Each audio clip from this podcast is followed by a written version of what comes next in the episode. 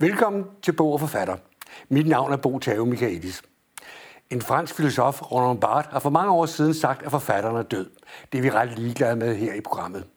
Min gæst i dag er Kirsten Thorup, og vi skal tale om hendes fantastiske og meget uhyggelige roman om Tyskland under 2. verdenskrig, nemlig romanen Indtil vanvid, indtil døden. Så velkommen til.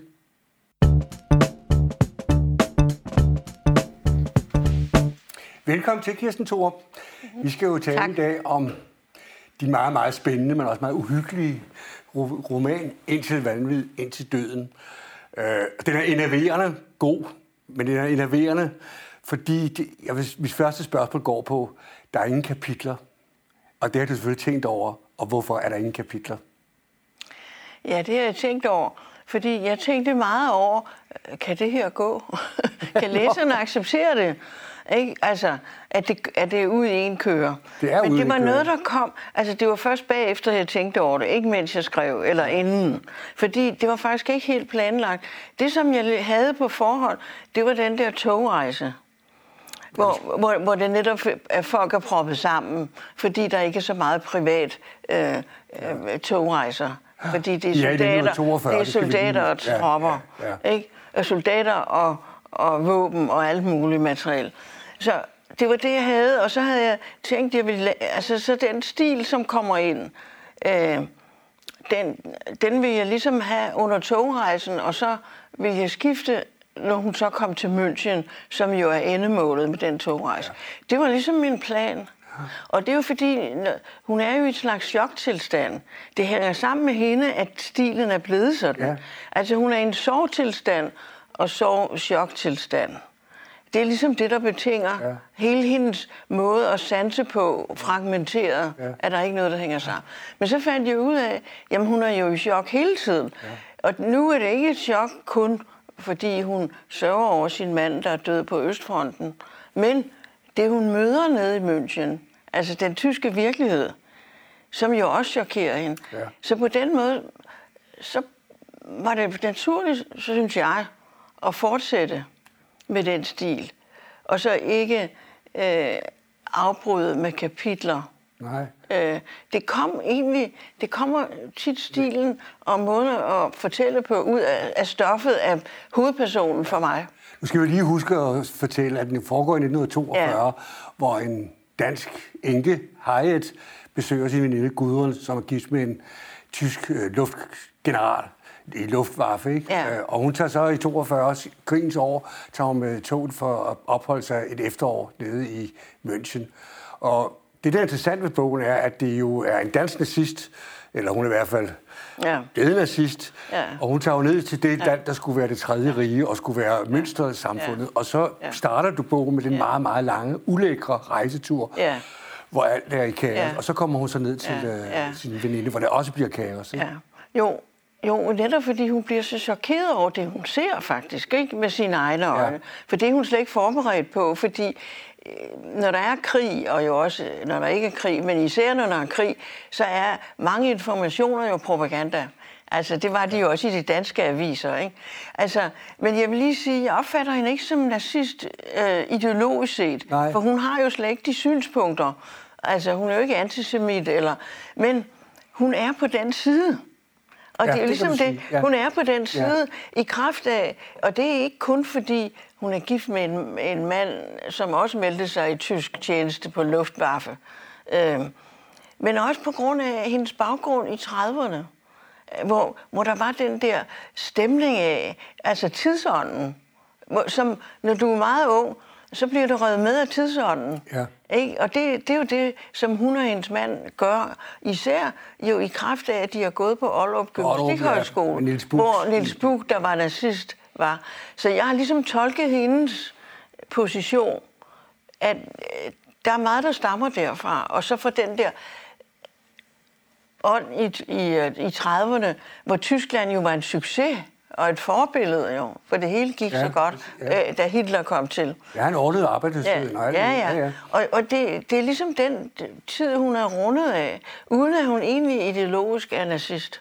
Men så er hun jo der, og det er jo det, der bliver hendes, hvad skal man sige, splittelse, som hun har hele tiden dernede. Hun er jo et splittet menneske, ja. fordi den øh, ideologi, og især jo dens udformning i praksis med antisemitisme og, og, og undermennesker og overmennesker, det byder hende jo imod. Øh, så, så, så på den måde, så... Øh, og når hun tager ned, så er det jo også fordi, at nu, skal, nu øh, en forfatter skal jo tolke sine øh, personer, hovedpersonen. Altså, hvad er motivet til, at hun tager ned? Det er der også mange, der spørger om. Og det mener jeg er fordi, at det er jo hendes store kærlighed, den mand. Hun går ligesom i hans fodspor. Ja. Altså, hun vil se, konfrontere sig med det, han er død for og, og er faldet for på Østfronten. Hvad er det egentlig? Og der får hun jo netop et chok. Det må man sige. Ja. Det må man sige. Man må også sige, at, øh, at hun kommer jo ind i det, der svarer til systemets overklasse. Ja. Ikke? Han ja. er general, han bor ja. i en flot ja. villa i mondænt kvarter i München. Ja. Ikke? Og, ja.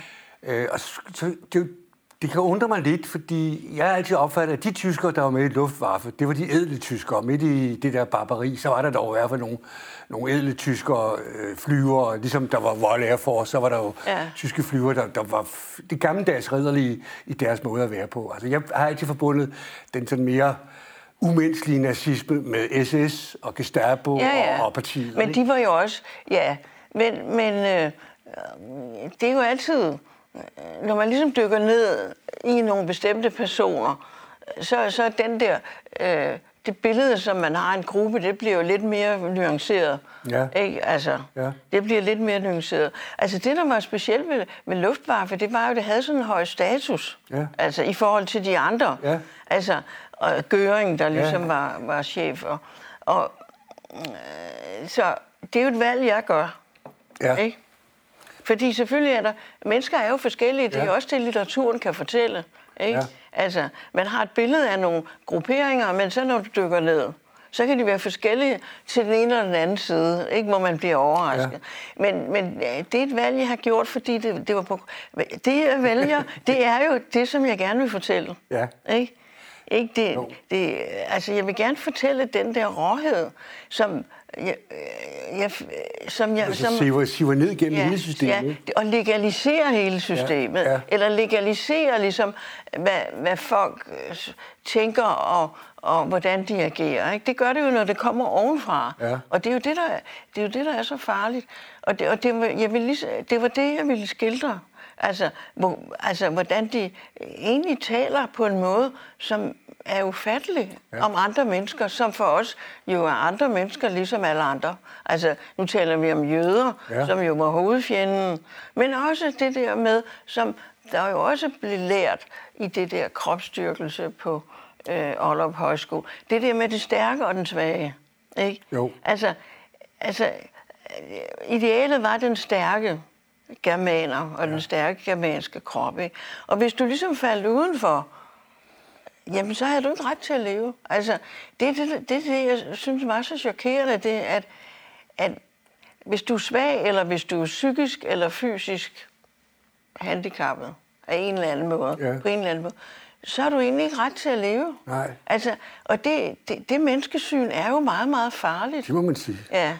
Det, og det eksisterer stadigvæk, ja. desværre. Ja, det gør det jo. Ja. Altså, det gør det, for det ligger så dybt.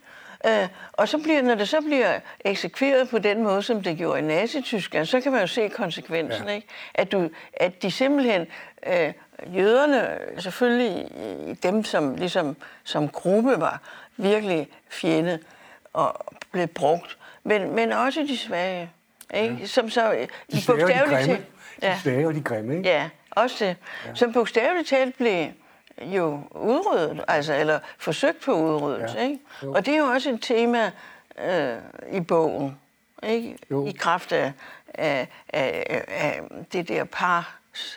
Altså, hun besøger jo ligesom dem, fordi hun skal ned og rekreere sig. Tror ja, hun skal på ferie. Hun ja. tror, hun skal på en, ja, ja, og, en gratis ferie. Og ligesom at komme over sin sorg. Ja. Ikke? Det er jo en sorgrejse, kan man ja, sige. Det er, præcis, det er ja. en sorgrejse. Ja. Det, som jo adskiller den fra utrolig mange bøger om 2. verdenskrig, det er, at du jo faktisk har gjort den nazistiske dagligdag til virkelighed i din bog. Altså, ja. det, jeg tror ikke, jeg har læst nogen bog. Jeg har læst masser af stabler om 2. verdenskrig. Ja, selvfølgelig. Men du ja. har jo virkelig formået at gå ind i hverdagen i det tredje rige i 42, ja. skæbneåret ja. 42. Ikke? Det må have krævet enorm research. Ja, det krævede virkelig meget research. Fordi jeg vidste jo ikke, altså, jeg har jo ikke skrevet den, fordi jeg vidste noget, som andre ikke ved, okay. i, altså, om, om uh, hverdagen i Tyskland i 42, i efteråret 42. Men jeg, dykkede, jeg dykkede ned i det, og, og der, altså, det er jo både ved hjælp af dagbøger, ved hjælp af alle mulige skildringer af, øh, som der jo er ret mange af faktisk efterhånden. Ja, efterhånden det er kommet frem, senere. Ja, ja. Altså nu tænker jeg øh, historikere og fagpersoner, det er jo, det er jo mest det. Ja. Og der var nemlig en ting, foruden det vi talte om før med, med de svage og handicappede. Det var det der fænomen med, med slavearbejderne. Øhm, er de Ludmilla ja, i huset? Ja. Det havde jeg aldrig hørt om. Nej. At der var 8 millioner mellem 39 og 45 slavearbejdere fra Østlandene, især Sovjetunionen og Ukraine og, og øh, Polen, og også nogle, nogle fra Frankrig og Holland. Altså, det fænomen havde jeg aldrig hørt. Og det var jo det, der gjorde, at, at tyskerne kunne fortsætte krigen rent økonomisk, fordi alle mændene var jo ved fronten, så de skulle have nogen. Altså, og at der, at der var så mange, øh, det, det, var, det kom bag på mig. Ja, det kom også bag på mig. Jeg, var altså, jeg har aldrig hørt om det. Nej. Og, så, og derfor så, og det ville jeg have med. Øhm, og, og så var der nogle få, nu vi snakker om research, ikke?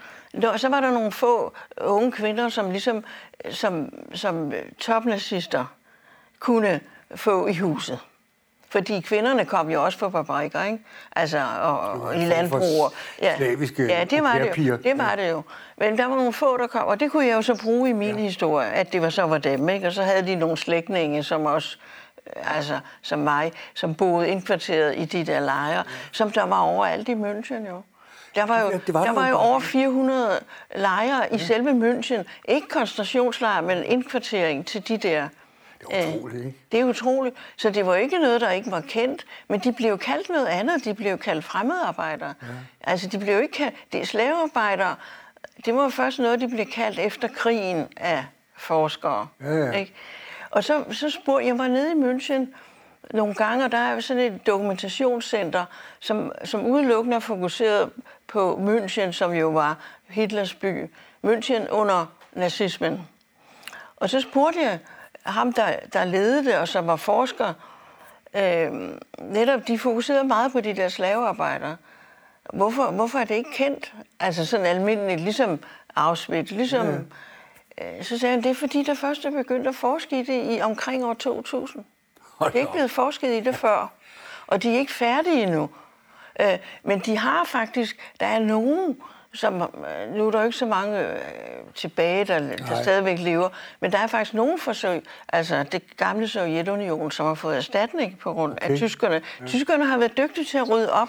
Jeg har været tavse, ja, ja, ja, de var tavse i starten, men, men officielt, de har været dygtige til at ja. rydde op og, og dokumentere, hvad der egentlig skete. Jo, men det er først for nylig, ikke? Altså, ja, altså, det, ja, jeg, altså, det, de sidste 20 altså, år, tror ja. jeg. I 50'erne, i 18 år, der, der var der lagt ja, låg på. Ja.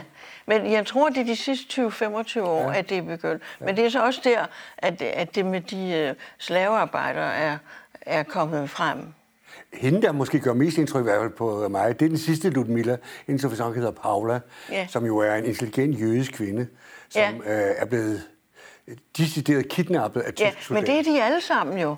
Ja. Det er jo det, der var så mærkeligt. Alle de arbejdere, de er jo blevet taget, de er blevet kidnappet. Der må være sikkert en trafik. Altså, de er blevet taget ud ja. på markederne. De er alle sammen. Det er utroligt. Hvordan kan man, Hvordan kan man organisere det? Det er jo en organisationstalent, som man slet ikke kan fatte. Hvordan kan de få fat i alle de... Ja. Ikke? går på gaden. Tysk grundighed, det ja. var, det var, det var, jeg, jeg, altså, jeg kan slet ikke forstå det. Nej. Og det, og det var de, de to andre Lumillaer jo også. Ja. Men det er bare det, den sidste ja. Øh, ja. understreger, du, at hun, hun er datter af en professor, ja. øh, som øh, også er, er et tragisk ja. på en eller anden måde. Ja, ja. Øh, hvor hun viser sig pludselig, at hun er intelligent, hun er uddannet, ja. hun, hun er også, så vidt jeg husker, øh, fa- fanatisk rødhærs ja. ikke? Ja, ja. Altså, ja hun må ja. dø for Stalin, ja, ikke? Jo, det er jo klart, det kommer jo også ja. med, i krig. Ja. Der er du jo meget ja. øh, dedikeret, ja. ikke? Ja, jo, I forhold til at skulle kæmpe dig fri ja. af, af, af tyskerne, ikke? Jo. Af nazismen. Ja. Ja, det er hun. Og hun er også, og, og, men det er jo også en platform for hende at være oprørsk. Ja. For hun har jo det der oprørske træk. Ja. Ikke? Jo. Det er også interessant, at du går virkelig ned i detaljer. Du har en premiere på en, på en opera af Richard Strauss, Capriccio, tror jeg den hedder. Ja. Ikke? Du har flyttet den lidt datumæssigt, jeg har flyttet den. men det er jo poetisk frihed. Øh, Og så har du nogle nazifilm, blandt andet den, der hedder Ja. Frontteater. Ja. øh, Frontteater, tror jeg, Ja, skal udtales. Øh, øh, og den bruger du sådan synes jeg, på, en, på en nærmest genial måde til, altså Strauss, den store, det sidste store Ja. tyske komponist. Ja, netop. Øh, Og så uh, Uffe-film, ikke? Altså, Jo. Og de der propagandafilm er Ja. det jo. Ikke? Jo. Altså alle spillefilm var jo propaganda. Ja. Fordi den der, øh, som øh, der hedder Ich klage an, altså jeg anklager. ja, den, Den- med Øtesat-problemet, ikke? Ja, det, det hedder, den hed på dansk, da den kom- var i Danmark, øh, lægen, der dræbte. Ikke? Det er rigtigt, ja. Og, og det er jo øh, det er jo propaganda for netop eutanasi, ja. altså øh, drab Ja. ja. på, på svage. Det har du også med, med Gudruns Ja, datter. ja. Det er også en forfærdelig historie. Og den, og den chok, jeg må sige, det chokerede mig, da jeg lavede research. Fordi mit chok, der er nogen, der har spurgt, øhm, hvordan, var det ikke frygteligt at skrive? Nej. Ja, det vil jeg også spørge om. Ja. Nej, fordi jeg havde fået chokket, da jeg lavede øh, research. Ja. Så jeg, fordi øh, det er meget svært at skrive, hvis man ikke har afstand til det, man skriver om. Nu kan jeg jo selvfølgelig kun tale for mig selv her, Ja. for der er forfattere jo forskellige. Men jeg skal ligesom have afstand, sådan så jeg ikke lader mine egne følelser løbe af med mig. Jeg, de, de skal jo lægges ud til læseren. Ja. Jeg skal ikke ligesom tage følelserne fra læserne ved at, at føle selv, når jeg skriver. Det kan man også godt mærke. Man kan Ja. mærke, at du Ja. fremter Ja, dine ja, egne følelser, ja. ikke? Jo. Så vi, vi Ja. skal selv, læseren skal selv arbejde videre Ja, på det, du viser. selv, det, det, Ja. ja. det, er at der følelserne skal opstå, ikke? Ja. Altså, men det kan jeg kun, når jeg har det på afstand. Og det fik jeg jo ved at have fået chok, overstået chokket, da jeg lavede øhm, research. Ja. Ja. Og det der med at dræbe børn på den måde, det må jeg sige, altså, og der er jo alt på nettet, du kan finde. Ja. Den der anstalt i, øh, i München, den er der jo stadigvæk. Nu er det bare rekreationshjem. Jeg tror, der må være spøgelser i det. Ja. Altså, men, men øh, det var jo, altså, der var jo både øh, psykisk syge og børn, der var født med et eller andet handicap, stort eller lille, jeg tror. Jeg tror, de bare blev taget ind. Tourette, det tog- Ja, men den måde, der kan du finde på nettet for eksempel skemaer, hvordan børnene bliver sultet ihjel. Altså, du kan finde så så meget af den. Det kan du finde på nettet fra den anstalt der. Det har jeg altså ligesom tænkt, det, det skal jeg ikke. Det er jo nedtonet. Det, det skal jeg ikke have med, fordi jeg skal også holde det dog, for du nævner det. Jeg tror, Gudrun siger, Ja. at hun vil ikke spise. Nej, det siger hun. ja, altså jeg nævner det indirekte, og Ja. hun er så tynd, og, Ja, og, og hun, det er noget med hendes mave. Og, ja. altså, men nej, fordi jeg, jeg passer altid på, at øh, jeg skal ligesom holde en balance Ja. ja. i redslerne. Ikke? Altså, øh, fordi el- ellers kan man ikke gå ind i Nej. bogen. Altså, Du bliver aldrig sentimental. nej.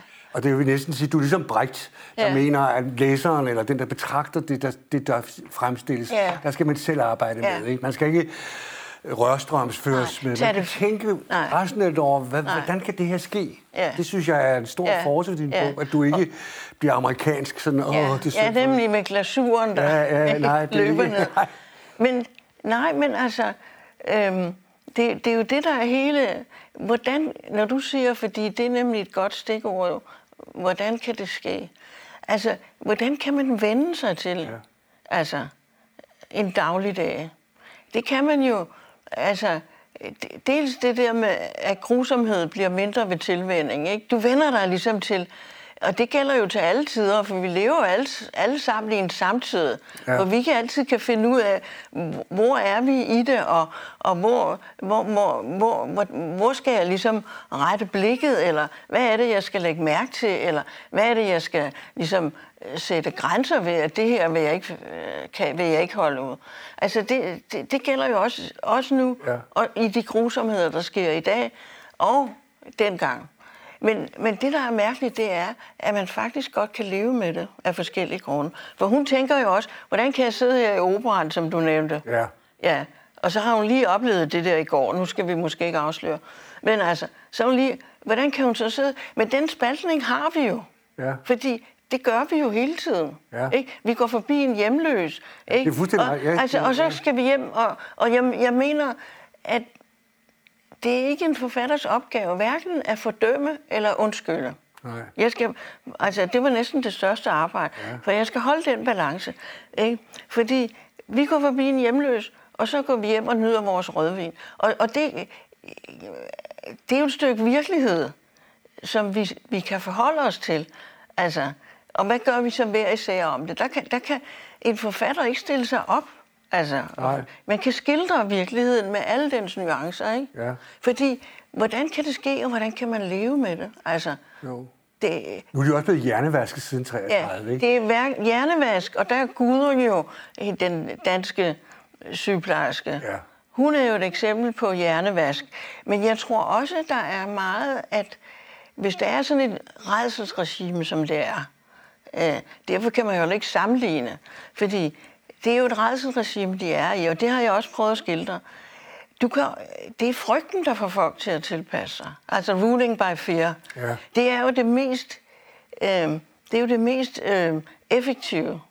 Altså, hvis du, hvis du kan skabe frygt, enten reelt, at hvis du pipper det mindste modstand, så får du hugget hovedet af, for sådan var det jo. Ja, ja, jamen, der var ikke altså, noget- Så var, der var jo ikke noget. Nej. Altså, eller kom i koncentrationslejr. Det, det truer de jo også hinanden med, ikke? Altså, det er jo ikke de, noget, de ikke ved, men de ved bare ikke Auschwitz. Nej, de kender ikke- det er den, de kender ikke Nej, de kender ikke på. De ligger jo ikke i Tyskland. Nej. De ligger jo netop i Ukraine og, og, og Hviderus, og ja, øh, Treblinka og det der. De ligger, de ligger i Polen, de ligger ikke i Tyskland. Men de vidste jo godt, der var koncentrationslejre alle vegne, for der havde de jo selv bekendte, der var i, eller... Til omskoling. Ja, ja netop, og ungdomskoncentrationslejre. Øh, men, men den frygt, det gør jo, at man, man, man tilpasser sig. Ja. Ikke? Hvis du er bange for dit liv, Ja. ikke? Det kan du se med corona, hvis du er bange for dit liv, Ja. så gør du jo alle de ting. Og nu er det noget andet. Vi kan ikke, det er jo ikke det samme. altså, det, men det mener... Jeg forstår godt, hvad du mener. Men, men Ja. der, man er bange for at, at blive syg, og så, så synes man, det er fornuftigt. Ja. Altså, Ja. ikke? At, at, at gøre de ting. Ja. Ikke? Øh, det, fordi det, men det her kan, er jo noget helt andet. Altså, det er jo en reel, altså det der med, at du kan blive hentet om natten, og, ikke? Ja. Og det er jo en effektiv, men det er bare så uhyggeligt, synes jeg. Bertolt Brecht siger i sit stykke, Den jødiske hustru, at karakter er et spørgsmål om tid. Ikke? Ja. Og han har jo selv oplevet det. øh, Ja. Og jeg vil sige, at øh, man oplever det også, når du læser dig, at når ja, jeg har jo også ret til en, en slave til at gøre sådan. Ja. Ikke? Altså, hun, altså Gudrun Ja. ja. har jo samme holdning, som man har til en au pair-pige. Ja. Selvfølgelig værre, fordi Ja. øh, hun bor på en, hun har ikke sit eget værelse. Ja. Når hun er ude i München, skal hun et mærke på, ligesom jøderne skulle have, Ja. for at sige, at hun Ja. må ikke bruge sporvognen. Ikke? Ja. Det er et af de mest spændende steder. Det er hende, den jødiske, øh, russiske pige der. Hun ja. vil ikke tage det der mærke på, når hun Nej. ud. Ikke? Nej, men hun har jo det der oprørske. Ja, det har hun, ja. Ikke? Altså, og øh, jeg håber, hun kommer igennem. Det håber jeg, det får vi jo ikke. Jeg håber, hun kommer jeg, håber, jeg sagde også, ej, nu må, nu må, Kirsten må ikke... Må ikke Nej, jeg håber, jeg håber, hun kommer igennem. Ja. Men altså, nej, men det er jo, de, det er jo alle de der små ting, Ja. ja. som man også vender sig til. Ja. Altså, vender sig, når jeg skal have det mærke på. ja, nå ja, det skal Ja, jeg. ja det, det, sådan, sådan gør vi her. Ikke? Altså, Der er mange konservative, de har et Dannebro i. Ja, ikke? Jo, men alle de ting, Ja. ja. som, man, som man... Altså, for det er jo, den små, det er jo alle de små ting, ikke? Ja. Men så er jo også ideologien. Fordi et er, at der er mange træk, man kan genkende, som vi snakkede om før. Ja.